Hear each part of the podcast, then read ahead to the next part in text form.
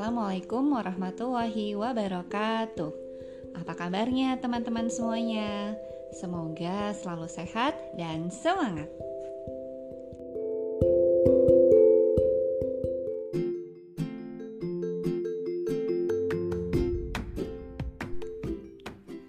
Hari ini kita baca cerita lagi yuk.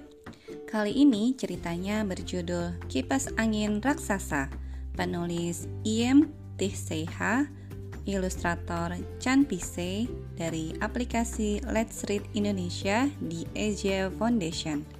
Bismillahirrahmanirrahim. Sophie tidak bahagia hari ini karena tiga penyebab. Pertama, Sophie tidak menyukai cuaca panas dan hari ini sangat gerah. Kedua, Sophie ingin makan mangga, tetapi pohonnya terlalu tinggi. Ketiga, Sophie ingin bermain bersama adiknya Tok, tetapi dia menolak. Aku tidak bisa bermain hari ini, Sophie, kata Tok. Aku tidak ingin rambutku berantakan. Ini membuat Sophie sangat kesal pada Tok. Sophie mendesah dan duduk di dekat kipas angin kecil usang. Benda itu bergerak dengan lambat dan berisik. Di lantai dekat Sophie tergeletak penggaris. Sophie mengambil dan mengacungkannya di depan kipas angin untuk mengukur. Kipas angin lebarnya dua kali penggaris. Hmm, gumam Sophie, dan dia mulai membayangkan. Jika kipas angin berukuran dua kali penggaris menghasilkan angin sekencang ini, akankah kipas angin yang lebih besar menghasilkan angin yang lebih kencang?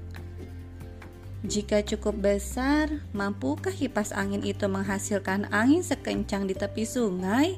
Sophie membayangkan pasti rasanya menyenangkan sekali. Bagaimana jika kipas anginnya sebesar rumah? Pikir Sophie dia membawa penggaris keluar dan mengukur rumah dari depan ke belakang dan dari satu sisi ke sisi yang lain. Jika kipas anginnya sebesar itu, Sophie tertawa. Betapa kuat anginnya. Mangga-mangga akan berjatuhan dari pohonnya. Anjingnya Bob akan terbang di udara dan rambut Sitok akan mekar seperti sarang burung. Sophie, panggil Tok dari teras rumah. Aku punya mangga untuk kita. Sementara Sophie dan Tok menikmati mangga, Sophie bercerita kepada Tok tentang penggaris dan kipas angin. Tok mengangkat penggaris dan berpikir sesaat. Bagaimana jika ukuran kipas anginnya satu juta kali penggaris? Ujar Tok. Wow, saut Sophie. Kalau begitu, kipas angin itu akan menjadi yang terbesar di bumi. Jika kita menyalakannya, semua akan berterbangan.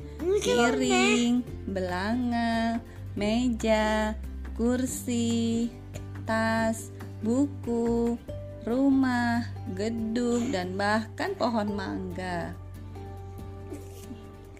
Ketika matahari terbenam, Tok dan Sopi duduk di sebelah kipas angin kecil yang tua, makan mangga dan tertawa.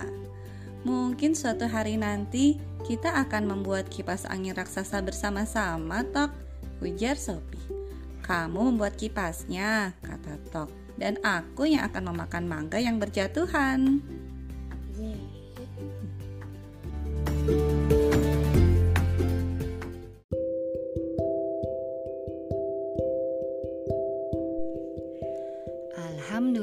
Alhamdulillahirabbil alamin. Terima kasih ya sudah mendengarkan cerita ini. Sampai bertemu di cerita selanjutnya insya Allah. Wassalamualaikum warahmatullahi wabarakatuh.